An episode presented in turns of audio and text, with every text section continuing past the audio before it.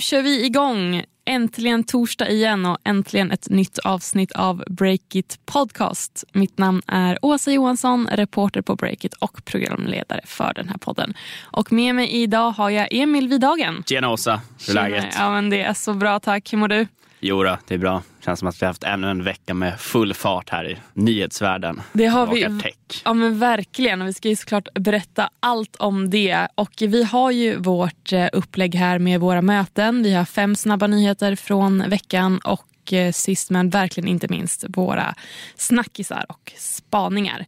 Men först, Emil. Ja, även den här veckan så har vi en eh, riktigt spännande sponsor med oss i podden. Och Eh, för tredje veckan i rad så har vi AI-bolaget Eivora. Och det här är ju en väldigt smidig plattform för alla som vill ha stenkoll på ägardata. De har gjort den bredaste täckningen för just ägardata på svenska bolag, både för noterade och onoterade aktiebolag. Genom sin avancerade AI-teknik och egna algoritmer kan de tillgängliggöra ägardata som inte har gått att få tag på tidigare. Här på Breakit har vi faktiskt baserat hela vår bolagsdatabas och flera nyhetsartiklar om exempelvis värderingar på Evoras uppgifter. Nyligen släppte Evora också en helt ny tjänst där du som enskild användare enkelt kan komma igång direkt och få tillgång till all ägardata. Då får du bland annat se ägarlistor för alla bolag, värderingar och kapitalrundor plus att du kan bevaka specifika branscher och bolag. Så in och läs mer på evora.com. Yes, men då kör vi igång och jag är så eh, excited här att få berätta för eh, dig om mitt möte. Kör. Ja, men, eh, han heter Mustafa Timir och han har tillsammans med Sunad eh, Sandik grundat proptechbolaget Mendy. Och ja, lite så snabbt enkelt förklarat då, så har bolaget skapat en lösning som kopplar ihop eh, bostadsägare och ja, men, hyresgäster med experter som hjälper till med reparationer i hemmet. Var inte de med i vår entreprenörstävling Shift här? Ja men det stämmer, de var med så sent som förra året. Men varför har jag då pratat med Mustafa Temir nu då? Ja, men han gjorde ett inlägg på LinkedIn tidigare i veckan som fått många reaktioner, kommentarer och ja, men det verkar ha väckt en hel del känslor hos många. För i det här inlägget skrev han nämligen att priset man får betala för sin dröm är att man får knega emellanåt. Och att han när han gjorde det här inlägget var på väg till sitt nya jobb på ett lager. För det är nämligen som så eh, kunde han sen berätta för mig att Mendy ska nämligen avvecklas och eh, det här beslutet togs vid årsskiftet. Kassan tog slut och då fanns inget annat alternativ eh, riktigt eh, enligt grundaren då och de fick inte heller några nya investerare på kroken trots försök. Men det är inte så kul att behöva stänga ner projektet man har jobbat Nej. för direkt. Hur, hur kände han sig nu? Alltså förvånansvärt lugn och balanserad jämfört med vad man skulle kunna tänka sig. Eh, för man kan ju tänka sig att alltså, eh, man har jobbat mycket med ett bolag, man har rest kapital och så vidare och sen så kommer man till insikten att jag behöver lägga ner det här. Alltså, det känns som att man skulle kunna vara rätt så förkrossad men han, han kändes ändå väldigt så här... Äh, alltså, livet är inte över på något sätt så utan han tryckte däremot väldigt mycket på att ja, han ville dela med sig av det här på sociala medier, eller ja, LinkedIn. Då.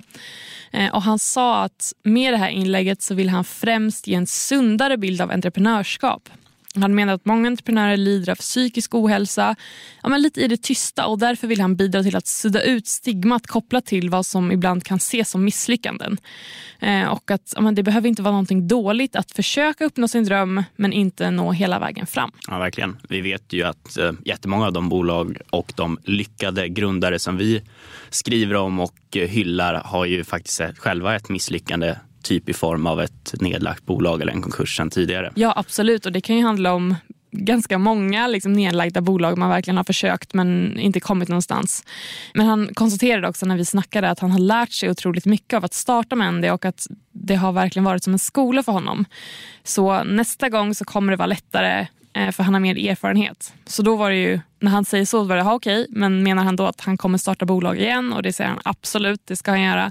Men först ska han ha ett vanligt jobb ett tag. Och jag tycker att vi skriver väldigt mycket om som du säger, entreprenörer som verkligen lyckas. De bygger sina bolag, eh, de får dem verkligen att flyga. Vi skriver också mycket om eh, jobbiga situationer som varsel, sparpaket, nedskärningar och ja, folk som behöver Eh, lägga ner verksamheter helt enkelt. Eh, men just sådana här saker tycker jag är viktigt att lyfta. Att man behöver inte känna sig som ett misslyckande bara för att det inte gick hela vägen. Det kanske leder till någonting betydligt bättre. Gjorde ju faktiskt en kartläggning på eh, grundare vars bolag hade gått i konkurs för några år sedan. Och de flesta hade ju studsat tillbaka ganska bra och hade toppjobb på nya startups eller grundat nya bolag eller sådär. Så att, ja men exakt. Vi kanske ska göra en till sån där kartläggning och lyfta ja. lite fler personer. Emil, vad har du haft för möte?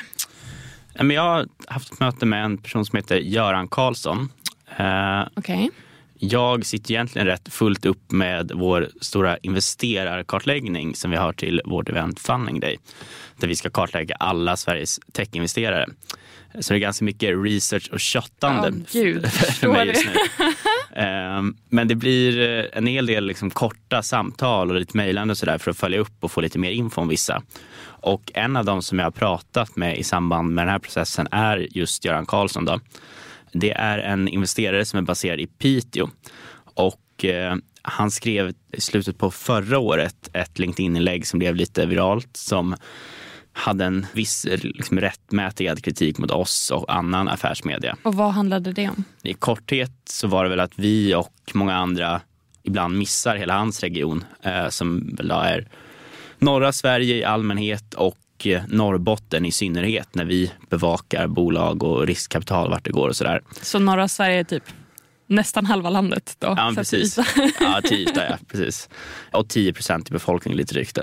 Så det är ändå en, en betydande del också. Det är det. Men nu pratade vi, jag ringde upp honom och kollade lite vilka andra investerare som han tyckte var viktiga i sin region och så.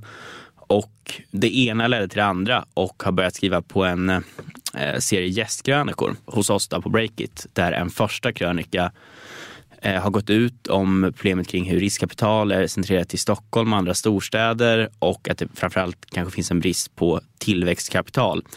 Att det kan finnas liksom statliga stödsystem för att sätta igång mm. och liksom lite ängelpengar och sådär. Men när man verkligen vill skala upp så är det många som kanske lämnar regionen och då missar man också möjligheten att bygga nya teknologiska nav. Eh, då det stora liksom, eh, lokomotiven i de små ekosystemen försvinner. Mm. Jag tror det kommer lite fler krönikor också som verkar spännande om liksom vilka nischer eh, som är extra intressanta i norr. Och det känns verkligen som vi fick till ett bra liksom, win-win, att han kände någon liksom, han kände sig lite upprörd över att vi missade dem helt mm. och hållet. Men vi får ut bra material av det här nu och sådär. Och verkligen liksom, kan driva det framåt istället för att bara prata om problemet. Ja, men ja, visst. Men vad tar du med dig från det här samtalet och krönikan då? Ja, men det är uppenbart att han brinner väldigt mycket för att startups och techsektorn i norr ska få mer uppmärksamhet. Och att han vill liksom driva på ekosystemet och bygga upp det ännu mer. Och jag tycker dessutom att han verkar ha en väldigt sund approach till hur världen funkar. Att typ många utomstående som liksom media eller politiker som inte gör tillräckligt kanske ofta inte är emot den nödvändigtvis utan saknar kunskap och liksom nätverk och ja, lite sådär. Och vi har ju pratat om det i podden förr men vi lyfter gärna andra delar av Sverige och techbolag och ekosystem där men då behöver vi också få hjälp i, i termer av liksom, eh, tips om bolag att skriva om och eh, nätverk och sådär. Så, mm. vi är ju väldigt öppna för att ta ett samtal eller en kaffe med någon som, som vill berätta om någonting som inte syns ofta på Breakit, eller hur? Absolut, hör av er. Mig når ni på asa.breakit.se. Mig når ni på emil.breakit.se. Men du, jag tänkte att du nämnde ju lite i början av vårt samtal här att du jobbar mycket med Breakits eh, investerarkartläggning. Vill du berätta lite vad som kommer vara med i den? Ja, men man kan säga att det är en uppföljning på förra årets eh, kartläggning som gjorde på de 199 viktigaste affärsänglarna som vi väl fick väldigt bra respons på och eh, ja, jättemånga som tyckte det var kul att vi lyfte änglarna och mm. bolag som har hittat investerare sina nya satsningar och sådär. Så nu bygger vi en ännu större databas kan man säga med ännu fler viktiga änglar, VC-investerare, family offices, investeringsbolag och det blir väl över 500 stycken. Otroligt. Eh, ja, så att, eh, det är kanske sista chansen att tipsa den här veckan om jag ska hinna få med dem innan vi publicerar. Då. Så att, eh, skicka gärna till mejladressen som jag nyss nämnde. Ska vi gå vidare? Ja, det tycker jag. Här kommer fem snabba nyheter från veckan. Det har nu gått flera månader sedan Tesla-strejken bröt ut i Sverige. Men nu lättar IF Metall på blockaden mot elbilstillverkaren. Facket kommer att ge tillfällig dispens för reparationer av bilar som inte längre går att köra. Och detta är alltså från och med måndag nästa vecka. Så det handlar alltså om så kallade obrukbara bilar. Och den här dispensen då gäller till sista april och gäller inte på Teslas egna verkstäder. Någonting annat som vi har rapporterat om i veckan är att Rickard Lykos skönhetsimperium Lyko har presenterat sitt bokslut som visar en rejäl omsättningslyft. Det ökade nämligen med 24 procent i det fjärde kvartalet. Rörelseresultatet för kvartalet blev dock svagare jämfört med samma period året innan och landade på 21,7 miljoner kronor. Samtidigt så rapporterades att bolagets totala omsättning under fjolåret summeras till över 3 miljarder kronor vilket är en halv miljard mer än föregående år. Och Rickard Lyko, vd, skriver i rapporten att bolaget genomförde den bästa Black Week någonsin tack vare deras investeringar i infrastruktur. Två klassiska e-handelsbolag skär nu ner. Det handlar om börsnoterade marknadsplatsen CDON som stänger sitt kontor i Malmö, staden där bolaget en gång startade för 25 år sedan.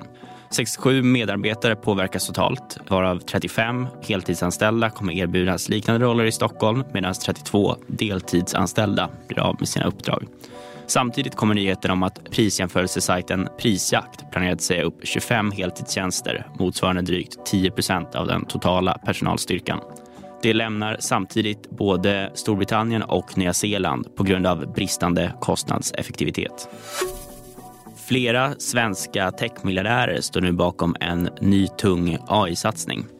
Bakom eh, Co-Funded Capital hittar vi iSettle-grundaren Jakob Dier, gamla toppchefen för speljätten EA, Patrik Söderlund och serieentreprenören Hjalmar Winblad. De satsar nu på nya AI-bolaget Terra Labs med iSettle-veteranen Peder Stale i spetsen som har blivit något av en snackis i Tech Stockholm senaste tiden trots att de inte avslöjat något om vad de själva ska göra. Nu har Breakit skakat fram nya detaljer om bolaget. De ska rikta sig till skogsägare som ska få hjälp att på ett mer effektivt sätt förvalta sin mark. Produkten bygger på satellitbilder som AI-verktyget analyserar. Enligt våra uppgifter ska de nu vara på väg att ta in någonstans runt 15 till 20 miljoner kronor. Konkurserna har fortsatt regna i techsfären i veckan. Vessla som tillverkar eldrivna mopeder gick in i en rekonstruktion så sent som i somras. Men nu är det alltså klart att det här räddningsförsöket inte har lyckats för nu i dagarna har bolaget försatts i konkurs. Även klockbolaget Triva har kastat in handduken. En gång i tiden var ju det här bolaget så hett som en startup eh, skulle kunna vara. Deras klockor bars av superstjärnor som Elton John, Beyoncé, Lady Gaga och prinsessan Madeleine. Och bäst gick det för det här bolaget 2016 men efter toppåret gick det utför och eh, nu är alltså konkurs ett faktum. Även bolaget Just Arrive har gått samma öde till mötes. Det här bolaget tog fram en app som hjälpte nyanlända in på arbetsmarknaden och backades tidigt bland annat av Klarna-grundaren Niklas Adelbert. Men verksamheten har haft svårt att stå på egna ben och eh, ja, nu går även det här företaget i konkurs. Då är det dags för oss att rulla in på våra snackisar. Eller vad säger du Emil? Det är bara att dra igång Åsa. Jag drar igång. Eh, någonting som vi måste snacka om den här veckan är impact-hypen. Eller snarare hur impact, begreppet impact i näringslivet har utvecklats den senare tiden. Och för det, här, alltså det här är verkligen någonting som jag har börjat tänka på ordentligt efter att jag häromveckan träffade en riktigt tung duo, nämligen Jane Valerud. Hon är ju känd som serieentreprenör och en av väldigt framgångsrik techinvesterare. Hon var ju exempelvis en av de första att kliva in i betalbolaget Klarna och eh, när jag träffade henne träffade jag dessutom Marta Sjögren som är tidigare partner på riskkapitalet Northzone. Och eh, ja, för bara några år sedan så grundade de just ett sånt här så kallat impactbolag. Och det här bolaget heter Pebble. Och det här mötet var en fredag för några veckor sedan på deras kontor på Kungsgatan i Stockholm. Och det har verkligen fått mig att tänka på det här Alltså impact är ett väldigt populärt begrepp numera att svänga sig med i näringslivet. Och det känns också som att det gått från att det är någonting som måste vara så innovativt, det måste verkligen, verkligen lösa problem för människor till att det har blivit ett hypat begrepp och på något sätt så används det väldigt mycket i sin används i marknadsföring helt enkelt. Ja, men det vill jag verkligen höra mer om. Men du, kan du inte först bara berätta lite om Pebble och vad de gör först? Ja men absolut. Så enkelt förklarat då vill det här bolaget lagra koldioxid och samtidigt skapa ett pulver som blir till hållbart eh, cement och betong. Och hur går det här till då egentligen? Jo, ja, men så här. I naturen finns det något som kallas för koldioxidmineralisering. Och det är en eh, process som gör att berg och sten fångar upp omkring en miljard ton koldioxid från atmosfären varje år. Har du koll på sånt där, Emil? Det här är ju tekniskt tungt. Ja, visst är det. Helt uh, lätt att få rätt första gången man säger. Jag ska förklara. Ja, vi försöker hålla det så enkelt som mm. möjligt. Det tog mig lite tag också när jag skulle förstå det här. Men i alla fall, den här då naturliga processen är precis det som bolaget återskapar med ny teknik i en sorts reaktor. Och Den här då reaktorn kombinerar malen sten och koldioxid som omvandlas till ett pulver. Och Det här pulvret används i sin tur för att skapa hållbar cement och betong med betydligt mindre utsläpp i själva tillverkningsprocessen än om vi kallar det traditionell cement gör enligt då grundarna. Och affärsmodellen går ut på att bolaget säljer pulvret till andra företag samt då tar betalt för lagringen av koldioxid. Är du med? Ja, men, eh, ett, man förstår ändå eh, rätt bra tycker jag och man förstår väl också att det finns en stor potential och jättemarknad för det här. Mm. Både i rena impact-termer och kanske monetärt då, om man lyckas eh, med den här lösningen. Men många så här impactbolag har ju rätt långt kvar. Hur långt har Pebble kommit? Ja, alltså om vi snackar om lönsamhet så säger de att de tror att de kommer vara en lönsam business eh, runt 2030 ungefär. Så det är ju några år kvar. Men jag tänker om, om vi går tillbaka till det här med impact. Vad, vad innebär det här just nu? För jag, jag, tror att det är inte bara jag som är lite förvirrad. För bara för att ta ett exempel då. För några veckor sedan så rapporterade vi om det brittiska riskkapitalbolaget Giant Ventures som har rest en fond på 2,6 miljarder kronor som ska investeras i området som kallas för Impact Tech. Och det här är ett eh, brett område som enligt då ett pressmeddelande inkluderar exempelvis klimat, hälsofrågor men även fintechbolag. Så det är liksom många spår. Det är inte tydligt att det här är endast någonting för exempelvis klimatet. Och som jag var inne på lite tidigare så vi ser typ ja, men i princip överallt det är väldigt populärt att kalla sitt bolag för ett impactbolag idag. Jag tänkte, ja, men jag, jag, när jag ändå satt där med Jane och Marta så frågade jag på eller fråga hur, hur de ser på det här. Liksom. Om det finns en risk att det ploppar ut bolag lite här och var som använder sig av det här alltså, i marknadsföring rätt och slätt. Och där är det korta svaret ja, det ser man mycket av. Några exempel på bolag som här kan vara? Ja, alltså Marta Sjögren hade i alla fall sin analys väldigt klar. Hon gav elsparkcyklar som ett exempel. Mm. Visst, det är ett fordon som drivs av elektricitet. Men de ersätter inte bilar, eh, i alla fall inte i Stockholm. Utan de ersätter eh, promenader, de ersätter tunnelbanan. Så de fyller inte riktigt en impactfunktion då, som de skulle ha gjort om de exempelvis ersatte taxiresor. Men alltså i tillägg så är det, alltså det är många elsparkcyklar som eh, i alla fall tidigare har slängts iväg liksom, av användarna, hamnat i vatten eller i naturen. Där de skräpar ner det, hela den här debatten liksom, som har varit. Så det skapar ett, ett, väldigt mycket slöseri och dessutom många av de här elsparkcykelföretagen är inte heller lönsamma.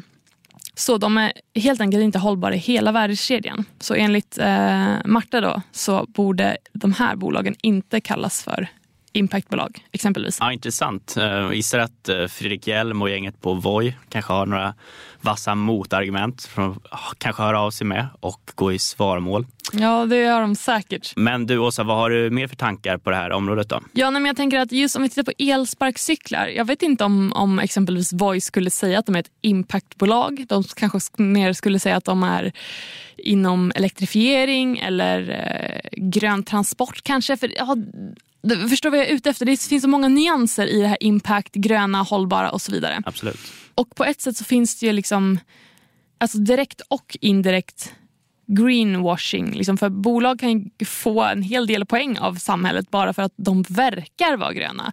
Exempelvis elsparkcykelbolag. Man tänker att oh, men det här är bra, jag kör. Liksom. Men man måste vara kritisk här som konsument tänker jag. Då pratar jag inte bara om elsparkcykelbolag.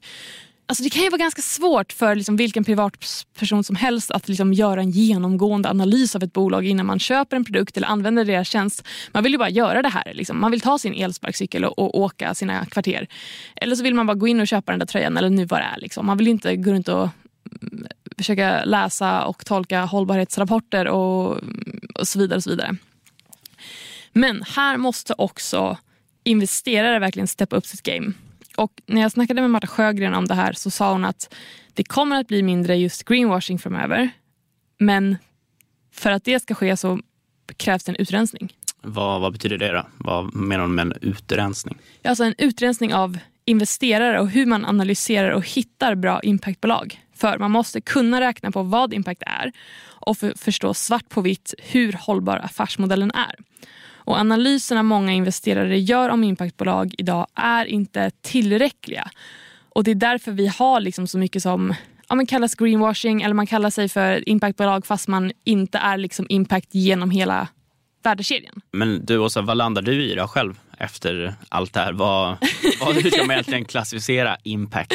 Ja, alltså förut så tänkte jag nog att impact är att så länge det finns någonting, om vi kallar det grönt, i bolaget, så, alltså någonting som är bra, så att säga, så kan det vara liksom hållbart eller impact. Det måste inte vara i alla led. Men nu har jag nog svängt efter att ha tänkt en del på det här och nu känns det mer självklart att det är klart att det ska vara hållbart i exakt alla delar av värdekedjan för att man ska kunna få kalla sig för ett impactbolag. För om det vore en standard så skulle det inte heller vara lika många verksamheter som kan slänga sig med det här eh, begreppet. Och då skulle det också vara lättare för konsumenter att verkligen ja, men, eh, ja, men handla, konsumera rätt om man då vill handla mer hållbart.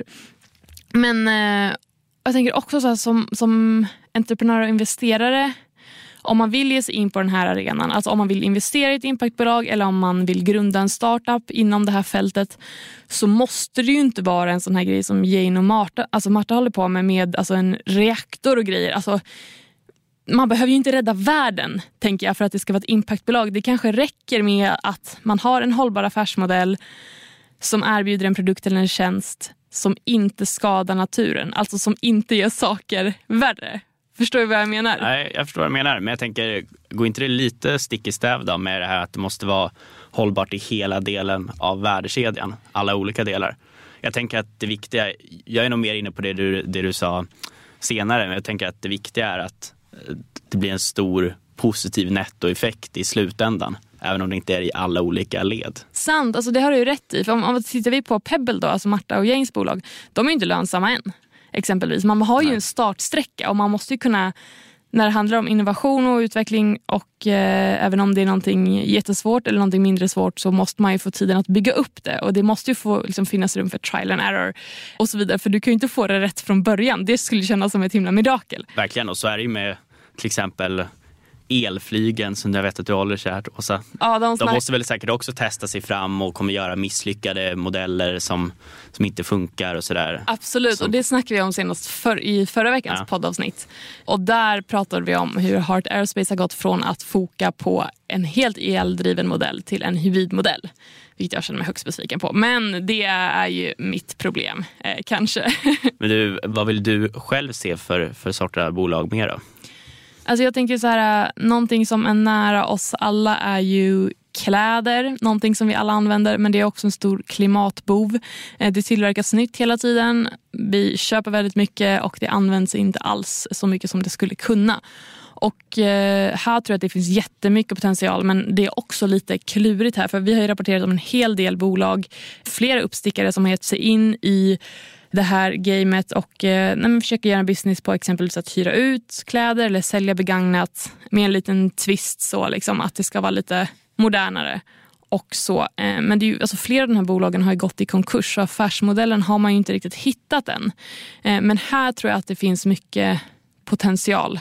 Men det handlar också mycket om beteendeförändring hos konsumenter och det tror jag är det absolut svåraste. Samtidigt så kanske det också behövs en startsträcka där de här bolagen får leva på riskkapital en längre tid tills de verkligen får rull på det. För om man kanske har lyckats ta in riskkapital, okej okay, då har man har ett par års på sig liksom, att få det här att bli lönsamt och att det liksom ska flyga. Det kanske inte räcker, man kanske behöver mer tid. Men med det sagt, du som lyssnar, har du inspel, eh, tankar, funderingar eh, eller tips, hör jättegärna av dig till mig på asa.breakit.se. Men nu Emil vill jag höra vad eh, du har för snackis den här veckan. Ja, jag tänkte att vi skulle ta ett grepp på Klarnas väg mot börsen och hur de kan värderas där. Ja. Vi pratar ju ganska mycket om Klarna, både kanske i podden och på vår sajt och sådär. Men det är ju samtidigt lite eh, lokomotivet eh, på den svenska techscenen, bland de onoterade bolagen och eh, eh, Eh, går de till börsen så leder det till massa spännande följdeffekter för all tech i Sverige. Men det här snacket om att Klarna eh, ska vara på väg mot en börsnotering, eh, det är väl inte helt nytt. De har ju faktiskt pratat om det här i ganska många år och har blossat upp lite då och då under ja, mer än ett decennium tillbaka egentligen. Det är inte skrivet i sten nu heller att det kommer ske, men med allra största sannolikhet baserat på hur de kommunicerar och vad de gör så kommer det att ske. Eh, även om vi inte riktigt vet exakt när eller var. Framförallt så handlar det om att investerare som de har haft länge nu faktiskt måste göra en exit för nu har de hållit det här bolaget så himla länge. Okej, men du, jag tänker att ska vi bara beta av den här stora frågan direkt då. Är Klarna verkligen redo för en notering då? Ja, alltså det här var ju ändå ett lönsamt bolag i massa år och sen blev de superolönsamma när de gick till USA. Superolönsamma, inte, ja, bara, får man säga. inte bara olönsamma. Förlustmaskin. Förlustmaskin. Oh, hårda ord där. Ja, nej, men nu har de ju faktiskt vänt tillbaka eh, till lönsamhet på månadsbasis verkar det som. Och eh, när de har kommit tillbaka dit så handlar det väl mer om att visa det här i ett par kvartal till kanske. Eh, och sen så är de väl ganska redo att trycka på knappen om det så kallade börsfönstret öppnas. Så korta svaret är väl kanske att de ändå är det eller är väldigt nära att vara redo för en notering. Men eh, mycket av snacket handlar ju också om på vilken värdering som de noteras på. Och i vanliga fall så kanske det här är relativt små marginaler upp och ner hur mycket man kanske vet på ganska goda grunder vad det kommer röra sig om. Men här har det ju svajat en hel del i deras värdering de senaste åren och det diskuteras ganska vitt skilda nivåer även nu. Så jag tänkte att vi skulle dyka ner lite i det. Spännande. Men vilka värderingsnivåer har det snackats om det blir en eh, värdering nu då? Ja, men kollar man lite på deras historia bara då, så värderas de ju faktiskt till 46 miljarder dollar 2021. Så att, okay. ja, med dagens dollarkurs är det ja, typ 500 eh, miljarder kronor. Men eh, bara ett år senare så hade ju kapitalmarknaden vänt helt och hållet och då värderades de bara till 7 miljarder dollar, eh, alltså 2022. Så var ungefär 85 procent ned. Jäklar alltså. Ja. Slag i ansiktet där. Ja, men det var det verkligen och det såg inte jättebra ut och det blev inte så roliga rubriker för Klarna då. Och sen dess har ju kanske marknaden tinat upp lite och Eh, Klarna har ju faktiskt också överraskat ganska många med hur snabbt de har kunnat minska sina kostnader och eh, ställa om så att de kan öka värderingen kanske en bra bit eh, från den siffran så nu. Men det blir kanske lite roligt här för att Sebastian Semiatkowski, Klarnas vd, sa i en intervju med Bloomberg för några veckor sedan med ett leende på läpparna att han siktade på en värdering i storleksklassen triple digit number. Något som vi på Breakit i alla fall inte kunde tolka som något annat än en värdering på 100 miljarder dollar. Han sa något i stil med att typ alla som har gått in i Klarna ska kunna göra en bra affär. Eh, det var ju nästan chockerande att han siktade så högt. Ja, alltså det låter väl lite överdrivet optimistiskt, eller? Alltså, varför säger han någonting sånt? Nej, men jag håller verkligen med. Jag har ingen bra förklaring. Eh, det känns ju väldigt överdrivet och det känns inte riktigt som att någon kan tro på det. Vi frågade ett par fondförvaltare i en artikel och de bara skrattade åt sådana värderingssiffror. Eh, man får väl alltid säga med viss reservation för att vi kanske missförstod eller han menade det på något annat sätt. Men vi kunde inte riktigt tolka det eh, ja, riktigt annorlunda än så eh, här på redaktionen. Det kanske ligger lite i hans natur som person att vara så liksom optimistisk och positiv och bara se möjligheter framåt. Eh, men det är inte så att IPO-klimatet är stekhett bara för att det har öppnat upp lite grann senaste året utan ja, de där värderingsnivåerna känns inte riktigt som att de har kommit tillbaka som det var för några år sedan. Men du, jag tänkte på en sak. För Vår reporterkollega Martin Hävnen har ju skrivit en del om hur Klarna har förändrats mycket de senaste åren. Hur hänger allt det här ihop med det? Men man kan väl säga att eh, det känns som att mycket av förändringarna som de gör eh, handlar lite om att positionera sig för att få en så hög värderingsmultipel som möjligt inför en notering. Dels har vi ju allt snack om AI som säkert eh, få Breakit-läsare har missat. Eh, Sebastian Siemiatkowski försitter ju inte många chanser att prata om hur AI kommer förändra hela näringslivet i allmänhet, Klarna i synnerhet eh, ja, och hela samhället för den delen. Och han vill ju nästan positionera Klarna som ett AI-bolag för att rida på hela den hypevågen mm. och bara visa hur, ja, hur mycket de kan effektivisera sin eh, organisation och hur mycket de kan utveckla sin produkt med AI. Och sådär. För många är det lite svårt att se hur det kan vara så stora vinster kanske med att de använder AI så mycket som de gör. Men han vill ju också visa att Klarna är något mer än bara en leverantör av betalmetoder och konsumentkrediter. Typ att visa att eh, många konsumenter inte bara avslutar sin shoppingresa med Klarna utan att de också startar den med Klarna. Och eh, framförallt då kanske via appen, som, eh, Klarnas egna app som de har storsatsat på de senaste åren. Och kan de visa en sån här utveckling, att de liksom breddar hela, hela deras kedja, då kan de också jämföra sig med bolag som Amazon mer och kanske visa på en jättepotential där. Så det känns också som att de tar lite steget i den riktningen för att en eventuell värdering ska kunna bli mm, högre. Absolut. Eh, det snackas ju också om att de kanske väljer en notering i New York och där finns det andra jämförbara bolag som har högre värderingsmultiplar än på den svenska marknaden. Så det är också lite för att maxa. Eh, det finns exempelvis Affirm som värderas till i nuläget cirka 11 miljarder dollar. De kanske inte riktigt har kommit lika långt i sin omställning till lönsamhet. De är lite mindre eh, globala också, men annars är det ett rätt liknande bolag som Klarna.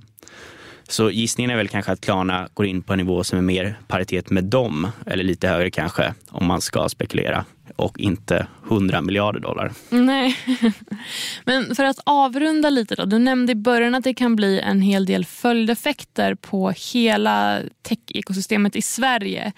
Vad kan det vara för någonting? Ja, men det kan vara en hel del olika saker tänker jag.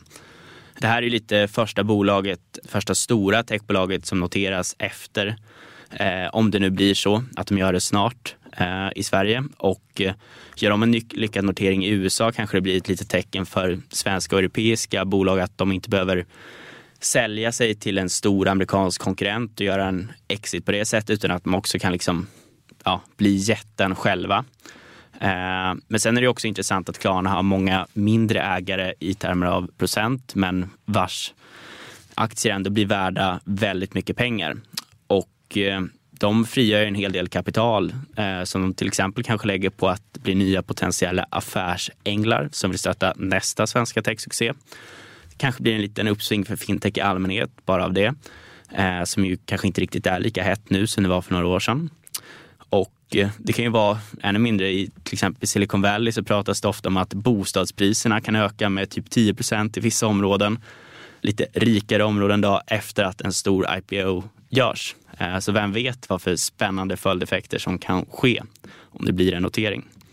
Men en sak är säker i alla fall. Det är att jag kan utlova en mycket stark eh, bevakning av Klarna på eh, Breakit även framöver. Både innan och efter en eventuell notering.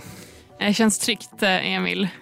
Men då så, finns det någonting mer vi vill eh, säga eller borde berätta om den här veckan? Eller? Det finns ju alltid massa, men jag tycker vi håller oss till den här längden. Vi håller oss till det här och eh, hör jättegärna av er ni som lyssnar. Mig når ni på asatbreakit.se. Mig når ni på emilatbreakit.se. Då så, då tar vi helg helt enkelt. Det gör vi. Hej då. Hej då.